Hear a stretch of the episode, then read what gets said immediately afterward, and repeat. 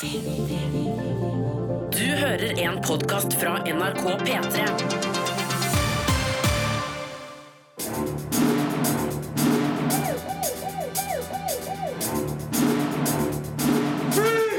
Filmpolitiet! What's your name, dude? Eh, Birger Vestmo. What kind of stupid name is that? Velkommen til en ny podkast fra oss i Filmpolitiet. I dag anmeldes de her filmene. It Comes At Night er en skremmende thriller som engasjerer. Grusomme meg 3 byr på småslem humor i en familievennlig innpakning. My Cousin Rachel reddes av Rachel Weisz i tittelrollen. The House er en feilslått komedie, bare full av tull og tøys. Netflix-filmen Ocha er et stort og bredt eventyr med litt ujevn satire. Og Fra balkongen er et filosofisk essay om livet, som er både morsom og leikende. Den anmeldes, og regissør Ole Jæver forteller om ideen bak filmen. I tillegg anmeldes spillet Crash Bandicoot Insane Trilogy, som gamle fans vil sette stor pris på. Filmpolitiet.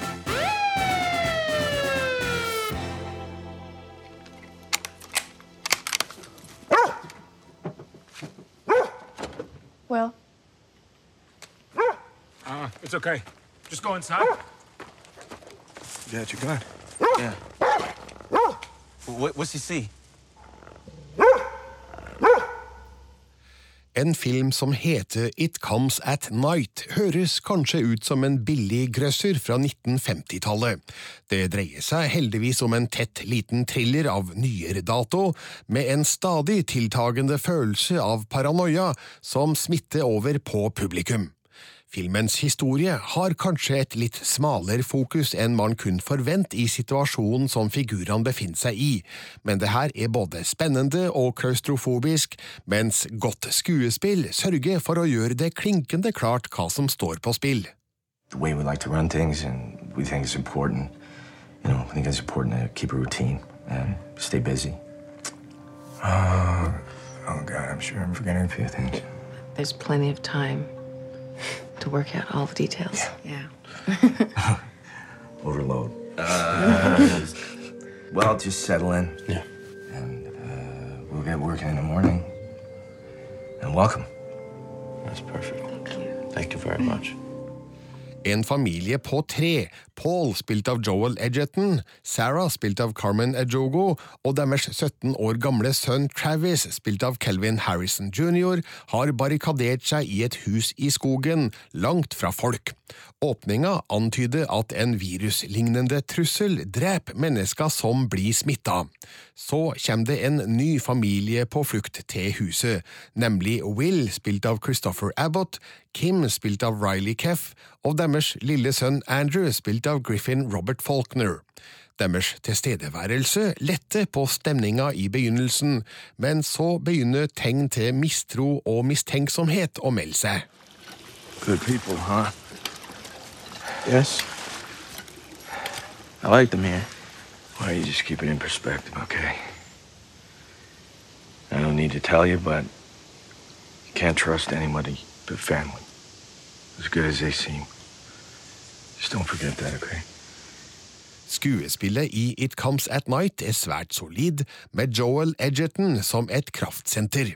Når vi seint i filmen får vite hvilket yrke han hadde før alt brøt sammen, forstår man hvilken forandring figuren må ha gjennomgått. Alle de andre i det lille persongalleriet understøtter paranoiaen og usikkerheten som melder seg i et samfunn i full oppløsning. Små tegn og kommentarer er nok til å vekke Pauls beskyttelsesinstinkt. Det er åpenbart at hans egen families sikkerhet har første prioritet, mens Will har samme innstilling om sin. Karene inntar jegerrollen, mens kvinnene er omsorgspersoner. Man kan godt tenke seg det her som et sannsynlig scenario i en ekstrem situasjon der liv står på spill. Travis er på mange måter en passiv iakttager, og vi får flere hint om hva det her gjør med et ungt sinn. I don't know. I haven't been able to sleep for a while. Just some bad dreams. how long's that been going on? What? Not being able to sleep. Um. Oh, I don't know. Oh yeah, I don't know. I don't know for a while. I know, I guess. It Comes At Night bare antyder hva smittefaren egentlig består i. Figurene virker nesten merkelig lite opptatt av å diskutere det her. Paul spør på et tidspunkt Will om han vet hva som foregår der ute, men får bare et kort svar om at folk i byen ble sjuke. Kanskje er det naturlig at man får et smalt fokus i en slik situasjon, men de virker lite interesserte i å finne ut hva som egentlig skjer rundt dem. Det her oppleves som en mangel i historien, som manusforfatter og regissør Trey Edvard Schultz med fordel kun ha adressert i større grad. I didn't touch the door. What? It was, it was already open. The door was open when you got there. Yeah. Okay, well, then who opened the door? Yeah. I don't know. I mean, maybe Andrew? What? Andrew was asleep in our room. No, he wasn't. He was in Grandpa's. What are you room. talking about? I put him in there before you both, both woke up. Travis, why are we only hearing about this now? I don't know. I mean, when was I supposed to tell Back you? up. Tell us everything that happened. Filmen er godt fotografert, der mørk skog opplyst av søkende lommelykta fremstår som en truende representant for det skumle som lurer der ute. Drew Daniels sitt effektive foto formidler òg den klaustrofobiske stemninga i huset på en overbevisende måte, med dyktig bruk av små rom, trange ganger og bratte trapper. Filmen har et annet interessant formgrep, der widescreen-bildet innsnevres i topp og bunn i noen marerittsekvenser, og enda mer mot slutten når også virkeligheten har blitt et mareritt. Her har leiken med bildeformatet en reell funksjon, i motsetning til den siste Transformers-filmen, der det virka helt tilfeldig. Go inside. I'll take care of Stanley. Hey, hey, stop, stop. What's he see? I said go inside. Stanley. Hey, settle down. Travis! Stanley!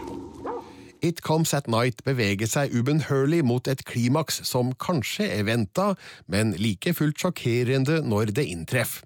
Da har man rukket å bry seg nok om figurene til at deres skjebner gjør inntrykk. Denne filmen føyer seg inn i rekka av gode, moderne grøssere, som for eksempel It Follows, Get Out og The Babadook.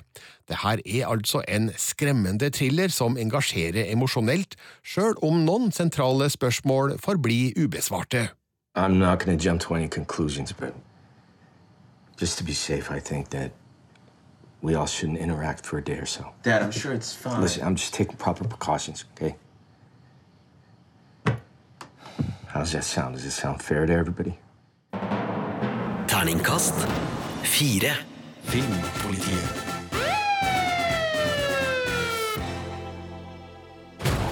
Jeg vil ha alle agenter til havs øyeblikkelig. Grusi-agentene nærmer seg. Ja, vent, hva? Hva kalte du oss? Grusi, altså Gru og Lucy musjet sammen. Grusi. Haha, jeg liker det, men ikke helt. Jeg liker det ikke. Eks-skurken Gru og hans minions viser seg å være slitesterke figurer i sin tredje film. Grusomme meg 3 beveger seg i samme farvann som de to første, men det gjør ikke så mye så lenge historien bygger på gode og beviselig velfungerende elementer. Det her er et morsomt og fartsfylt eventyr som ikke stikker veldig dypt, men treffer godt med småslem humor i en familievennlig innpakning. Den når ikke de samme emosjonelle høydene som de beste animasjonsfilmene, men er absolutt brukbar som sommerlig og fornøyelig kinounderholdning. Det er all grunn til å tro at Grusomme meg 3 blir en velfortjent suksess blant småbarnsfamiliene. Unnskyld meg. Hei, kan du? Å, eh, ja visst. Nå, som jeg nevnte, så eh, oh. Ha det. Nei, nei, nei! Au. Au. Er det deg igjen? Au. Men jeg er nødt til å snakke med dem nå. På vegne av deres tvillingbror Drew. Hva? Tvillingbror? Tvillingbror? Blitt broder? Gru blir oppsagt fra Antiskurkeligaen når han mislykkes i å hindre skurken Balthazar Bratt i å stjele en stor diamant. Kjæresten Lucy følger med i dragsuget. Så finner Gru ut at han har en ukjent tvillingbror, og gjenforenes med Dru, som han kommer veldig godt overens med. Det viser seg imidlertid at Dru òg har skurkegenet i seg, og vil ha broren med på tokt. Den nå lovlydige Gru har det perfekte kompromiss. De skal stjele diamanten tilbake fra Balthazar Bratt. Jeg gleder meg til å møte broderen! Broder!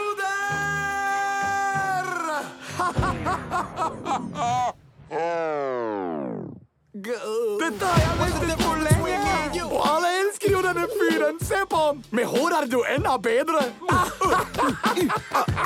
Se på det fjes! Han er så sint! Du må være den vakre kona! Vakre? Du holder på. Du smigrer. Det er jo fantastisk. Det er greit, syns jeg. Jo, det har ikke noe greie på ting. Det foregår ting under overflata på historien, som Lucys ønske om å være en ordentlig mor for de tre adoptivbarna, lille Agnes sitt brennende ønske om å finne en enhjørning, Margots forhold til gutta og Grus bånd til sin nyoppdaga bror. Likevel er filmens største ambisjon å finne et underholdningsnivå som er tilpassa både de små barna og foreldrene deres. Det greier regissør Kyle Balda og Pierre Coffin ganske godt, med en historie som stadig beveger seg fremover, der det ikke går lenge mellom hvert slapstick-øyeblikk.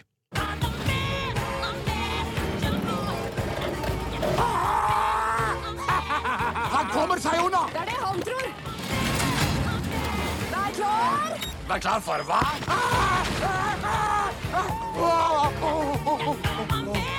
Hallo, Gru. Hva med den? Hva? Jenter! Minions, altså de små gule hjelperne, er selvfølgelig en viktig del av Grusomme meg 3, og også denne gangen er de på en egen ferd, litt på sida av hovedhistorien. Blant høydepunktene er når de forviller seg inn på en talentkonkurranse og overbeviser med opera på sitt særegne minionspråk, og når de senere havner i fengsel og legger en avansert plan for å flykte. Filmens skurk er en tidligere barnestjerne fra 1980-tallet, noe som gir filmen flere muligheter til komisk nostalgi, som hockeysveis, tyggis, gitarkeyboards og 80-tallshits fra blant annet Madonna, Michael Jackson, Phil Collins og a-ha. Dette er referanser som trolig vil gå over hodene til de minste kinogjengerne, men dette er selvfølgelig mynta på foreldrene deres, som tross alt er dem som bruker tid og penger på å fylle kinosalene. De må få noe tilbake. Det må jo være et slags monster. Vent, det er ikke et monster. Det er en mann med skulderputer. Det er bare én superskurk som er så gammeldags i klærne. Balthazar Bratt. Grusomme meg 3 har nok ikke nyskapning som sin største ambisjon, men bygger videre på det allerede etablerte universet med en videreforedling av figurenes interaksjon med hverandre. Om ikke latterdøra slås på vidt gap, er filmen i alle fall fornøyelig så det hell. Den strekker heller ikke på oppmerksomhetskravene, og klokker inn på behagelige 90 minutter. Stort mer trenger ikke Grusomme meg 3 å gjøre for å underholde familiene på kino gjennom sommeren.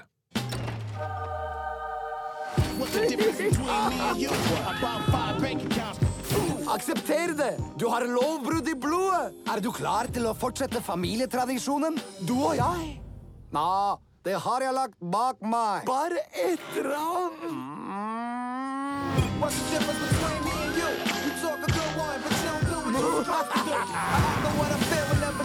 Da går vi inn!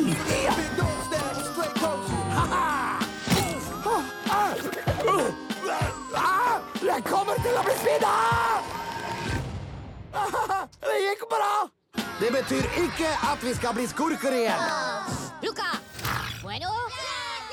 Piñuf. Bueno. Piñuf. Terningkast fire. Filmpolitiet anmelder film. Filmen My Cousin Rachel, basert på Daphne du Mauriers bok, vil gjerne servere oss en historie om vanskelig viktoriansk kjærlighet, iblanda thrillerelementer. Men sjøl om mange av ideene er gode, mener vår anmelder Fredrik Skaget Øyen at det går for sakte i svingene til at spenninga varer hele filmen igjennom. En knallsterk innsats fra tittelrolleinnehaver Rachel Weisz gjør likevel filmen verdt å få med seg. I have written to you several times, but there is no one I can trust to take my letters to the mail. She is away from the house today. That's why I'm able to write this. For weeks I've been ill, fevers, terrible headaches, but she watches me like a hawk. Believe nothing but this. She'll ruin me. She'll ruin everything. My Cousin Rachel følger Philip, en noen og tyve-åring som er oppvokst på en britisk herregård. Han er oppdratt av søskenbarnet sitt Ambrose, som i praksis har fungert som en far. På et tidspunkt blir Ambrose syk og drar til Italia for helsa sin del. Der gifter han seg med Rachel, et halvt britisk, halvt italiensk enigma av ei kvinne. Kort tid etter dør Ambrose. Philip arver herregården og trekker slutninga om at Rachel på en eller annen måte var innblanda i søskenbarnets dødsfall.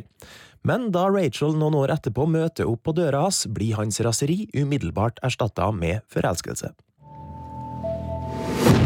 Look, Rachel, my torment. She has done for me at last. Whatever it cost my cousin in pain and suffering before he died, I will return in full measure upon the woman that caused it. Mysteriet rundt hvem Rachel egentlig er, hvor rent mel hun har i posen sin, og hvilke intensjoner hun har overfor Philip, er det sentrale i filmen. Men selv om My Cousin Rachel glimter til i uhyggelige gufs, fenger den ikke like sterkt hele veien gjennom. Litt av årsaken er at jeg sliter med å bry meg om Philip, som framstår som en usympatisk og umoden gutt. Handlinga er òg ofte forutsigbar og beveger seg i overkant sakte fremover i perioder. Den fremste grunnen til at spenninga aldri forsvinner helt, og den fremste grunnen til å i det hele tatt se filmen, er Rachel Weiss' portrett av tittelrollen med samme fornavn. Weiss spiller Rachel med en troverdig godhet og et jordnært lynne, som samtidig har en sensuell og manipulerende undertone som akkurat er tydelig nok til at man ikke klarer å overse den. Hun spiller så godt at man føler tilstedeværelsen hennes selv i de scenene hun ikke er med. Filmen leker med tanken på hvor kort veien sikkert var mellom stemplene selvstendig, fritenkende kvinne og demonisk, pengegrisk fristerinne sett med 1800-tallets maskuline brilleglass. Og måten Weiss spiller Rachel på, gjør selv de mest moderne brilleglass diffus. Å få skille mellom to polpunkter til å virke som balansering på en knivsegg er intet mindre enn imponerende. Why has everyone always assumed that Louise and I will marry? Lift your feet. Sorry. She finds you very beautiful. Does she now? As do the Pasco girls. Hmm. How terribly flattering. The vicar does not agree. Oh dear. But he finds you feminine. Lift your feet. Extremely feminine, for his exact words. I wonder in what way? I suppose in a way that's different to Mrs. Pascoe. Hmm. And how would you define it? Define what? The difference. Our femininity. Mrs. Pascoe's and mine. God knows. All I know is I like looking at you. I don't like looking at Mrs. Pasco. I filmens beste øyeblikk, når paranoiaen virkelig er til å ta og føle på, er det en veldig god underholdning. Men spenningsnivået er dessverre ikke alltid like neglebitende som den kanskje prøver å være, og det virkelig store klimakset uteblir. Mange av enkeltscenene er minneverdige, men helheten klarer ikke å vekke de sterkeste følelsene i meg. En mesterlig innsats av Rachel Weisz til tross, My Cousin Rachel blir litt for kjedelig og intetsigende i lengden til at den når helt opp, verken som romantisk drama eller som thriller. Come in. Won't you sit down for a moment? I believe had I been here, my cousin would still be alive. Drink. He didn't trust anyone at the end, and I found myself living with a stranger and wanted to hurt me. I've been doing a little asking around. She's notorious. Do you understand? Terningkast fire. My Cousin Rachel ble anmeldt av Fredrik Skaget Øyen. Filmpolitiet. Bob took away our scholarship, which we were kind of counting on. But then we remembered that we have a college fund with our dear financial advisor, Dawn. You don't have enough money. Okay. Right here. It says right here in this this account we have four hundred and one thousand dollars. Jackpot. You missed it. Nope. Uh, that says you have a 401k account. If you liquidate that right now, you'll have, you know, maybe $5,000. Tidlig i The House blir det klart at det her er en komedie der ingenting skal tas seriøst. Vi introduseres for liksom-figurer i en liksom-familie med et liksom-problem. Komikerveteranene Will Ferrell og Amy Poehler bruker gamle triks for å få oss til å le, og det virker innimellom, men altfor ofte preges The House av baktung humor, der regissør Andrew J. Cohen nøler med å kjøre løpet fullt ut. Bare i noen enkeltscener tråkker han skikkelig til. Hadde resten av filmen vært av samme kaliber, kun The House truffet komiblinken, men det gjør den dessverre ikke. We stand to make four years tuition in one month. One month, guys. Think about that. This is the most impressive thing you've ever done, Frank. Um, Thanks, God. I'm very wary to go into business with you. Noted. However, we know why we need the Yes. money. What's in it for you? Well, full disclosure, the bank has foreclosed on my home. Ah. Frank. Scott, spilt av Will Ferrell, og Kate, spilt av Amy Poehler, spiller bort noen av pengene som skulle sende dattera Alex, spilt av Ryan Simpkins, til college, samtidig som et forventa stipend forsvinner. Deres kamerat Frank, spilt av Jason Manzukas, trenger òg penger for å forsøke å få kona tilbake. Sammen starter de et ulovlig undergrunnskasino i Franks hus, noe som gir dem flere utfordringer, etter hvert som det baller på seg med både kunder, politi, myndigheter og sinte skurker. Give the password. Andre the Giant. Welcome. Frank? when we open this door, don't get confused. It's still just Frank's house. Ta-da! Filmen kommer skeivt ut fra start, med situasjoner og konflikter uten rot i virkeligheten. Det er ikke det at jeg hadde venta meg den rene sosialrealismen her, men om The House hadde hatt et litt sterkere bånd til virkeligheten, ville komikken hatt en bedre plattform å stå på. Nå står det ingenting på spill, fordi ingenting er virkelig. Det som skjer vil ikke ha noen konsekvenser, fordi alt er bare tull og tøys. Derfor er The House en feilslått komedie, der morsomhetene ikke betyr noe. I'm gonna get me a chunk of flesh. Yeah! Oh, I'm so scared. You're looking at a bad man. Ooh. Yep. This axe is burning a hole in my pocket. What What are we doing? Yeah, what Can we just conference on what we're doing? Just we're one- gonna we just you wait. Hold on. Okay, we need to focus up and figure out what we're gonna do. Just just to be clear, we're pretending. We have to send a message, okay? We have to send a message. Yeah! Det er en scene i filmen som skiller seg kraftig ut. Det skal ikke avsløres akkurat hva som skjer, sjøl om filmens trailer sjølsagt viser alt, men jeg nøyer meg med at en øks er involvert. Man blir tatt litt på senga av utviklinga, fordi ingenting av det man har sett hittil signaliserer en dreining av innholdet i en litt mer, i hermetegn, voksen retning. Mer av det her kun har gjort The House til en spreker komedie, men bare kanskje. Neste gang historien tøyer strikken, blir det nemlig bare et halvhjerta forsøk med en tam gjesteopptreden av Jeremy Renner. Ah, what's this? It's safes, Bob. Why don't we just pop the safes and see if it's all the money that you've taken? You can't open them without the combo, and I'm not giving it to you. Hmm. What are you looking at? Why are you staring at this photo over here now? Don't do that. Oh, Oh, a post-it note. Is this the combination? The House forsøker å være vill og gal, men ender opp med å være dum og kjedelig. Både Will Ferrell og Amy Poehler har vist seg som morsomme komikere på flere fronter tidligere, både sammen og hver for seg, men de fungerer ikke spesielt godt i denne filmen. Det skyldes imidlertid mer manus og regi enn deres samspill og kjemi. Det er derfor få grunner til å anbefale et kinobesøk her. Vent heller til The House kan sees på en skjerm til høsten, men heller ikke da vil den være spesielt morsom. Let the games of chance begin! Terningkast to. Filmpolitiet anmelder film.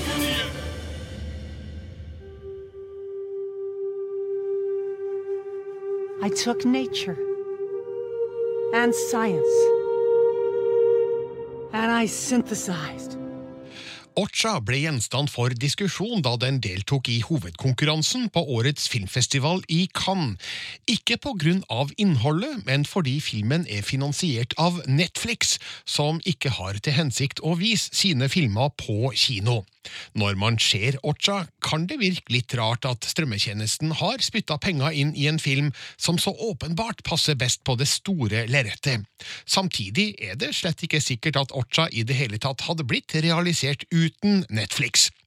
Det er fint å kunne konstatere at regissør Bong Joon-ho har laga en historie om ei jente og hennes kjæledyr som går uvanlig mørkt til verks, samtidig som den tar opp et tema som kommer til å bli smertelig aktuelt i tiårene som kommer. Hva skal en overbefolka verden spise, og hvordan skal vi lage nok mat til alle? We needed a miracle. And then we got one. This beautiful and special little creature will be a revolution in the livestock industry. Our super pigs will not only be big and beautiful, they will also leave a minimal footprint on the environment, consume less feed, and produce less excretions. And most importantly, they need to taste fucking good. Det multinasjonale selskapet Mirando, leda fra New York av Lucy Mirando, spilt av Tilda Swinton, har plassert 26 supergriser rundt om i verden i et forsøksprosjekt som de håper kan sikre verdens tilgang på kjøtt, og samtidig gjør dem enda mer styrtrike. En av supergrisene, Orcha, har bodd sammen med jenta Mija, spilt av An So-hun, og hennes bestefar på et fjell i Sør-Korea i ti år. Nå får de besøk av Mirandos ansikt utad, TV-stjerna Johnny Wilcox, spilt av Jake Gyllenhaal, som tvinger Ocha tilbake til en ublid skjebne i New York. Mija følger etter, fast bestemt på å få kjæledyret sitt tilbake, og får uventa hjelp av en gruppe dyrevernaktivister, ledet av Jay, spilt av Paul Dano.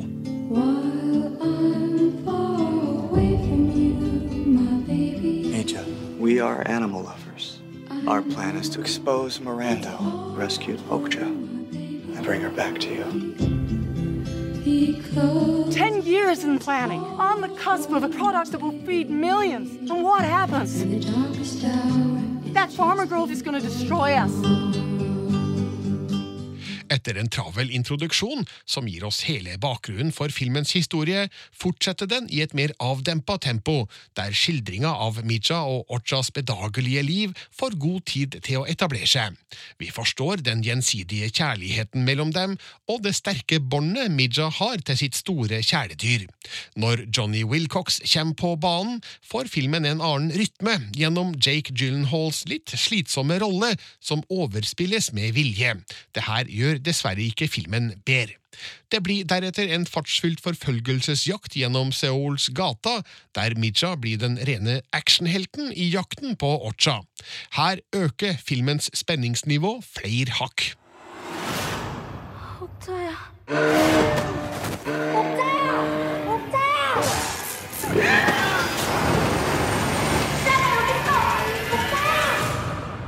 Filmen tar altså opp et tema som bare kommer til å bli mer og mer aktuelt etter hvert som jordas befolkning øker dramatisk. All må ha mat, og kanskje må man finne nye måter å fremskaffe det her på.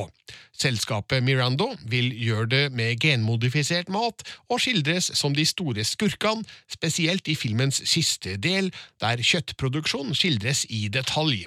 Om filmens misjon er å gjøre publikum til vegetarianere, kan det hende at noen lar seg omvende, men det er nok ikke så fryktelig stor forskjell mellom filmens og virkelighetens slakterier. Det er omtrent slik kjøtt produseres i dag.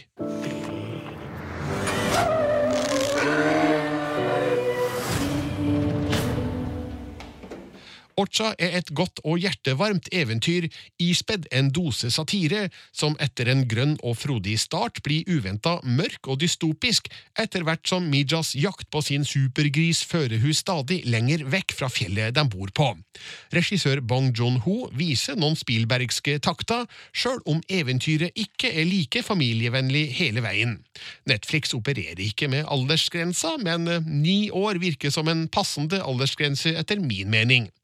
Unødvendig overspill og ujevn satire trekker litt ned, men Orcha er en stor film med brei appell, og den har òg en historie med en bakenforliggende tematikk som det blir vanskelig å ignorere i nær framtid. Terningkast fire. Filmpolitiet anmelder film. Den flua har eh, ligget der siden i fjor sommer. Jeg burde sikkert eh, ta den bort, men eh, jeg klarer liksom ikke å la meg engasjere så mye av den. Jeg bor i verdens rikeste land. Det er få reelle bekymringer. Men det er også langt mellom de store følelsene. Og jeg savner at noe vekker meg opp og røsker ordentlig tak i meg.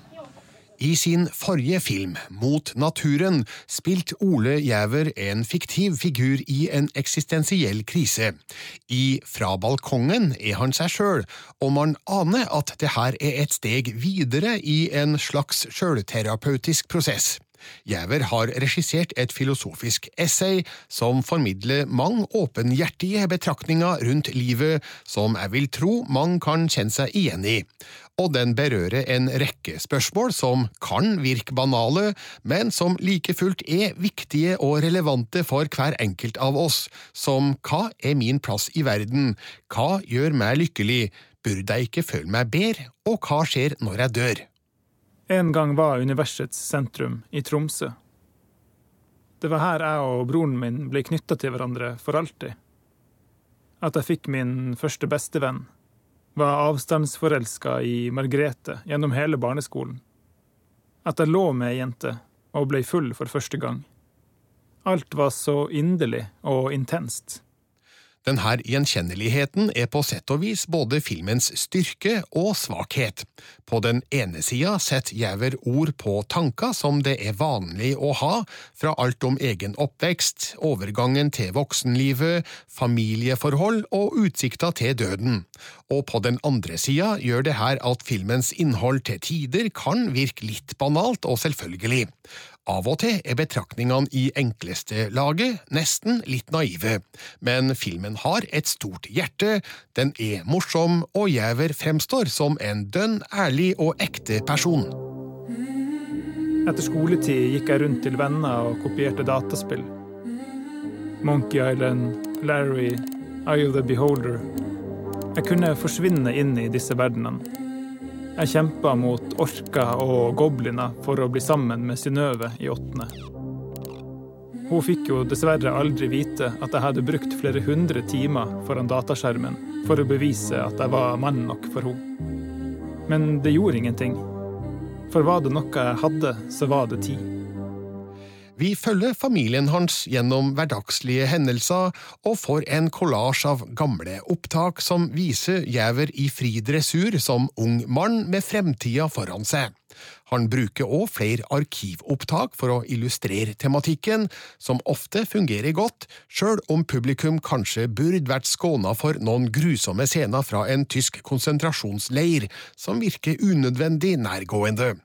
Hele tida er Gjævers fortellerstemme på plass, med det som fortoner seg som en fri strøm av hans indre tanker og følelser. Det er som om han har plugga mikrofonledningen i hjernebarken, slik at publikum tilsynelatende får en sensurfri tilgang til hans tankegods, akkurat som figuren Martin i Mot naturen. Kanskje jeg bør utfordre meg sjøl til å bryte med mine egne rutiner og vaner. Være mer spontan og overraske meg sjøl. Jeg kan i alle fall drikke noe annet enn te. Det fins jo hundrevis av ting jeg kan drikke. Juice, brus, øl, melk. Hva som egentlig er Ole Gjævers intensjon med å avdekke seg sjøl og familien på denne måten, kan være litt vanskelig å få umiddelbart tak på. Hans forrige film var nok både bedre og mer tilgjengelig. Fra balkongen er litt mer springende og retningsløs.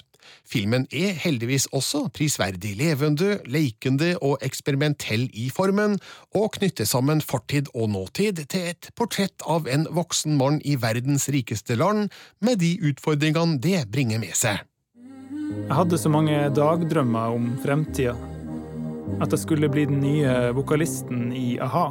Eller dra til Hollywood og bli sammen med Demi Moore. Eller eventuelt Meg Ryan. Det var store tanker, men det var ikke tull. Jeg skulle bli noen. Jeg hadde til og med lenge i forestilling om at jeg en dag skulle få vite at jeg var den nye Jesus. Fra balkongen er både sjølopptatt, navlebeskuende og utleverende, men det er vel nettopp det som har vært målsetninga her. Kjedelig blir det aldri, fordi Ole Gjæver, kona og skuespiller Marte Magnusdotter Solem og deres to barn er et godt og sympatisk selskap som minner mistenkelig mye om de fleste av oss. Filmen er òg ofte genuint morsom, av og til på en litt pinlig måte, fordi man kjenner igjen tanker og følelser som man sjelden tør uttrykke overfor andre. Gjæver gjør det for åpent kamera, og det er både modig, vittig og innimellom litt kleint.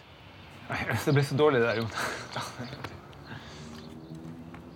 Eh, Vi kan jo drikke ja, Nå blir jeg sur i magen. Ui. Terningkast fire.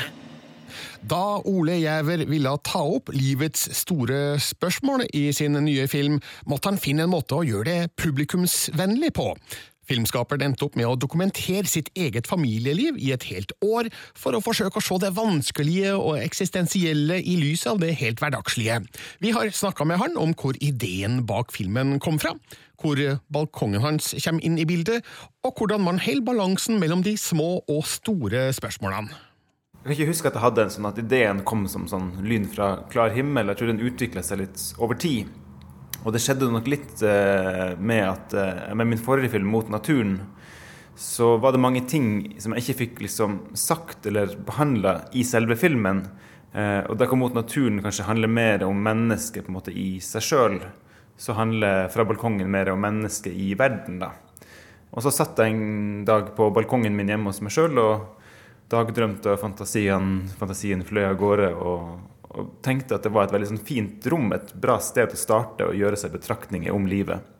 Fordi at balkongen ligger på en måte midt mellom to sånne størrelser i livet. Der ute så har du på en måte nabolaget, jeg ser ned til byen. På natta kommer stjernene frem, så det er sånn hav av tid og rom der ute som man på en måte er en del av. Og på innsida av balkongen så er ja, hverdagslivet, ungene mine, alle rutinene jeg gjør, hybelkaninene under sofaen, og alt det på en måte som du bare er i fra dag til dag. Så det er på en måte å bruke da balkongen som et sånt, ja, slags sånn anker og begynne å betrakte verden og omgivelsene en del av derfra. Hvordan har det vært å gå i dybden på seg sjøl? For jeg regner med at du har måttet Etter du bestemte deg for å gjøre dette prosjektet, så måtte du liksom finne ut hva du sjøl tenkte. ja, ja, man har jo Man sitter jo ofte og fabulerer om både veldig banale, enkle ting, og noen ganger flyr jo på en måte tankene langt, og man får større perspektiv, og man kan føle seg liten i, i verden og sånt. Så jeg ønsker på en måte å prøve å, å, lage en film der på en måte som kunne romme alle de tankene, men at det likevel var en slags rød tråd gjennom det. Eh, og den røde tråden handler jo mye om å, å prøve å finne ut av hvordan skal jeg leve livet mitt som menneske i verden i dag. Og det er jo på en måte liksom alle historiers grunnpremiss, liksom. Eh, å prøve å fortelle litt, eller forske i hvordan skal vi leve våre liv. Så det på en måte ble det som jeg ville at alt skulle springe ut ifra. eh, Og hvordan på en måte føle seg som en del av de omgivelsene man, man inngår i. og Hvordan føle seg som en del av, av familien, av den byen man bor i, landet man er i, verden man er en del av, hele universet.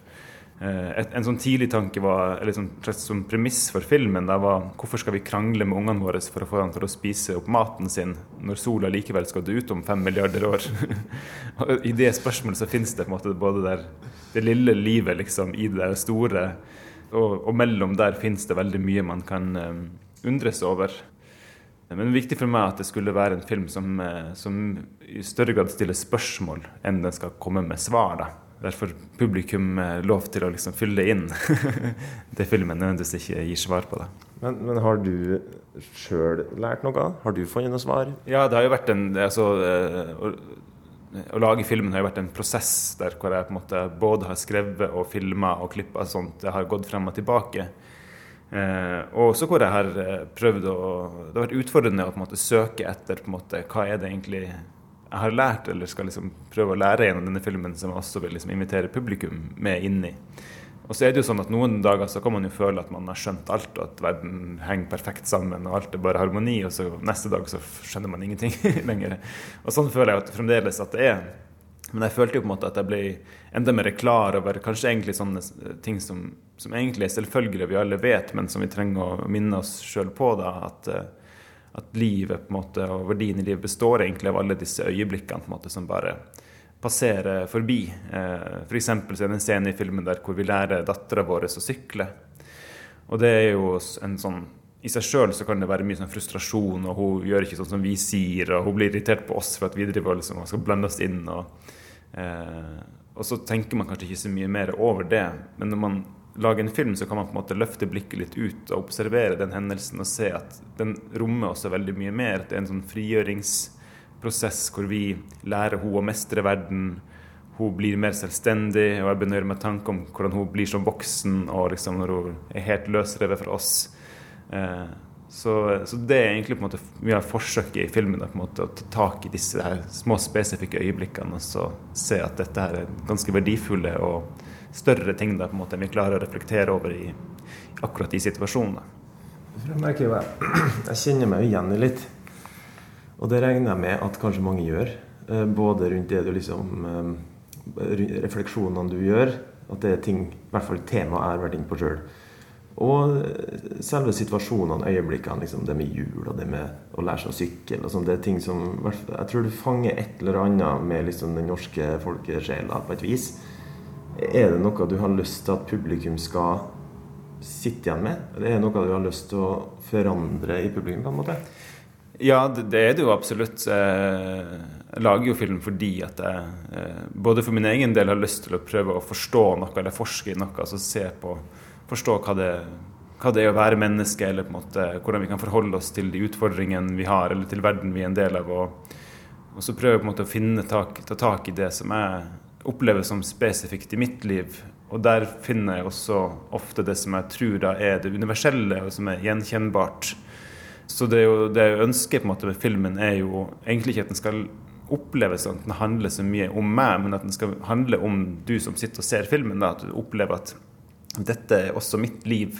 Eller at du kan lese ditt liv inn i, i scenene og situasjonene på en måte som jeg viser frem på filmen, og lage måte rom da, for at publikum kan uh, leve seg inn da, og reflektere over sitt liv og, og, kjenne på følelser man har i forhold til sitt eget liv. Og, så, så, det mye av, uh, mye av visjonen med filmen var egentlig egentlig det å finne alle de her universelle, allmenne tingene vi kan kjenne oss igjen i. Og så, ja, som jeg egentlig sa i stedet, gi de verdi da, og, og, og, fylle de med større innhold.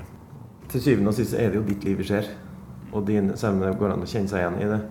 Også, det er veldig private tanker og private Det er veldig utleverende, på en måte. Veldig ærlig. Og som du sier sjøl i filmen, så er du jo egentlig en ganske introvert type. Uh, har det, hvordan har det vært, egentlig? Å vært og utlevert seg sjøl og sitt eget liv og vært såpass ærlig, men egentlig være litt privat av seg? Ja, det er jo eh, Jeg føler egentlig at jeg har holdt på litt i det grenselandet ganske mye, også fra liksom ting jeg gjorde for mange år siden. Med kanskje ikke fullt så, så gode kortfilmer, men jeg liksom prøvde å, å ja, by på meg sjøl eller på eh, diverse sære måter. Men, eh, så jeg føler liksom at det er noe som jeg har Det var ikke helt nytt for meg å skulle gjøre det, så jeg hadde en, en liten trygghet i liksom at eh, det ikke er så farlig der, på en måte. Eh, og så får man jo, jeg har jo masse gode, dyktige folk rundt meg som, eh, som kan si fra, eller eh, hjelpe meg til å forstå hvor den grensen går der. På en måte. Hva, på hvordan måte kan man by på seg sjøl? Hva er det på en måte som er relevant, og hva er det som på en måte da særlig med dette prosjektet så kan det plutselig liksom bikke over til å bli bare sånn lysbildeshow fra hytta vi var på i fjor sommer. liksom. Og da, da, blir det liksom privat på en sånn måte som ikke føles relevant. Eh, så det å finne disse tankene på en måte som er mer allmenne, det er jo på en måte der det, det som, eh, som har vært intensjonen, å få til det. Og da, eh, da, er det en sånn tilvenningsprosess hvor man merker at ok, men det her resonnerer. Vi har testvisninger, og har også de som jobber rundt meg, som på en måte føler ja, men her føler jeg at, eller de føler at de kjenner seg igjen.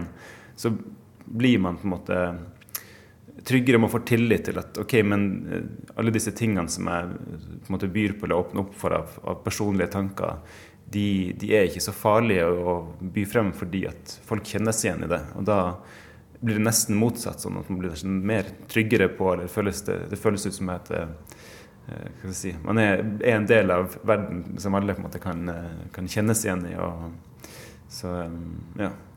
Pluss at sola kommer til å eksplodere på et tidspunkt. Ja. Alt er meningsløst. Ja. Hvordan har det vært for familien din å ha kamera tett på? Ja, det, det, ble jo liksom eh, et veldig sånn spesielt år. fordi vi hadde jo det kameraet hjemme. Det sto på soverommet, sånn at jeg når som helst kunne liksom ta det frem og, og, filme hvis det skulle skje et eller annet eller være noe som var verdt å, å, filme. Hva skal man si? Det føltes som vi var på en slags sånn egen liten reise liksom, det året med det kameraet. og, og ble, Man ble veldig vant med det. Ungene ble også, det ser man når man ser filmen, at de, at de tenk, nesten som de ikke skjønner, registrerer at det er et kamera der. Eh, som jo var veldig fint. Da fikk vi jo veldig sånne autentiske øyeblikk med de ungene, og det var jo kjempefint. Så, eh, men jeg tror kanskje at de var glad når det var over. For det, ja, det, det er finere og Det er deilig å få tilbake liksom, privatlivet sitt og kunne sitte og spise frokost uten at det står noen og filmer det. Men, eh, ja, det var interessant og fint. Og han, han som er fotograf, Øystein Mamen, er også et veldig eh, mennesker som du får veldig tillit til og skaper mye sånn, trygghet. Eh, og det var veldig viktig også for ungene at eh, de følte det, at det er et godt rom å være i. Men jeg var eh, utrolig glad når jeg kunne levere tilbake det kameraet. og tenkte at, For det er en sånn periode hvor man på et helt år der hvor jeg våkner opp hver morgen og tenker OK, er dette en innspillingsdag? For du vet ikke helt hva som, hva som skal skje. Så det å slippe å måtte tenke det, det var godt. Når du sitter og ser tilbake på denne opplevelsen, eller prosjektet, da, når du er 60 f.eks., mm. hva tror du det er som liksom sitter igjen? Hva er det du husker best? Ja, det tror jeg er at jeg tror noe, I det livet som jeg lever nå, som er sånn veldig småbarnsliv jeg, jeg føler for tida så er det jeg er først og fremst pappa. For det er så mye jeg gjør i løpet av hverdagen som jeg gjør som pappa. Altså smøre matpakker, følge barna mine på skolen, eh, kjøre på trening lage middag til dem. Og også alle bekymringer og samtaler jeg har med kona mi om ungene våre. og alt sånt. Så det er så mye som defineres av det. Og det, dagene bare slår hverandre i hjel. Det går så fort. Eh, og man ser på barna sine, så plutselig så har de liksom blitt så utrolig mye større. Det bare, Oi, shit, denne tida går fort. Så jeg tror nok at når jeg blir 60, så vil jeg sikkert se tilbake og, og kjenne på at eh, eh, mye av mine filmer handler jo på en måte om eh, tilstedeværelse og prøve å finne liksom, en følelse av tilhørighet og tilstedeværelse. Så jeg tror nok at jeg kommer til å se, og det ser jeg allerede, at oi, det er proppa fullt med tilstedeværelse. jeg er til stede hele tida. Eh, så, så, det var egentlig fint med å se filmen, at jeg, når jeg så meg sjøl liksom, etterpå sånn Ja, men han, han fyren der, han er jo ikke så verst, egentlig. Ganske ok pappa. Det sa regissør Ole Giæver om sin nye film Fra balkongen, som har norgespremiere i dag. Han ble intervjua av Fredrik Skaget Øyen. Filmpolitiet anmelder spill.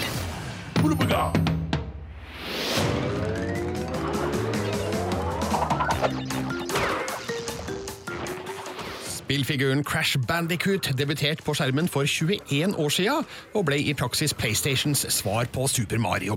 Nå har de tre første spillene i serien om den fruktspisende, kasseknusende helten fått en oppussing, og blitt samla i Crash Bandicoot Insane Trilogy. Og det har du testa, Fredrik Skaget Øyen? Det har jeg. Hvordan var det gjensynet med en god, gammel eh, kamerat? Nei, altså, nostalgien eh, står jo høyt her. Jeg var jo glad i de eh, gamle spillene, forholdsvis i hvert fall. Ja. Men det jeg eh, har en mistanke om, er at dette spillet kanskje ikke slår an like godt om man ikke har spilt, eller har et forhold til de gamle spillene fra, Nei, for- fra sent 90-tall. For det her er for den opprinnelige fansen? Det vil jeg påstå. Det er ren kjærlighetserklæring til eh, folk som var glad i Crash Bandicoot på sent 90-tall. Men når du kaller da Crash Bandicoot Insane Trilogy en oppussing, hva legger du i det? Det er jo en, en, en såkalt remaster. De har pussa opp grafikken, noe de har fått til utmerket. Fantastisk god grafikk, men rent fundamentalt er jo spillet helt likt, sånn som det var. Men som gammel Crash Bandicoot-fan, er det like gøy nå som det en gang var? Nei. Jeg har nok blitt eldre, jeg òg, skal du se. Eh, Øynene mine har utvikla seg litt siden jeg var sju. Eh, Det er jo bra, for så vidt, men, eh, men jeg merker at nå, eh, det går kortere tid før jeg blir lei nå. Man springer, man hopper, og man slår, og man gjentar. Spill, spill har utvikla seg litt siden sist. Hva med de som er helt ferske i Crash Bandicoot-sammenheng? Har de noe å hente her, tror du? Jeg er veldig interessert Jeg, veit ikke. Jeg er veldig interessert i å høre. Hvis en fersking prøver det spillet her, vær snill gi meg tilbakemelding. Jeg er spent. Ok. Crash Bandicoot Insane Trilogy er nå ut på PlayStation 4. Yep. Og eh, sånn eh, avslutningsvis, eh, hvordan vil du konkludere det her? Eh, en god opplevelse, siden jeg syns originalen var en god opplevelse. Terningkast fire. Les mer om film, spill og serier på p3.no Filmpolitiet. Filmpolitiet hver fredag fra 11 til 1 på P3. Det var alt i denne podkasten fra Filmpolitiet. Du kan følge oss gjennom hele sommeren, og i neste uke anmeldes blant annet Spiderman Homecoming. Jeg heter Birger Vestmo og ønsker deg en fortsatt god sommer. Filmpolitiet. Filmpolitiet.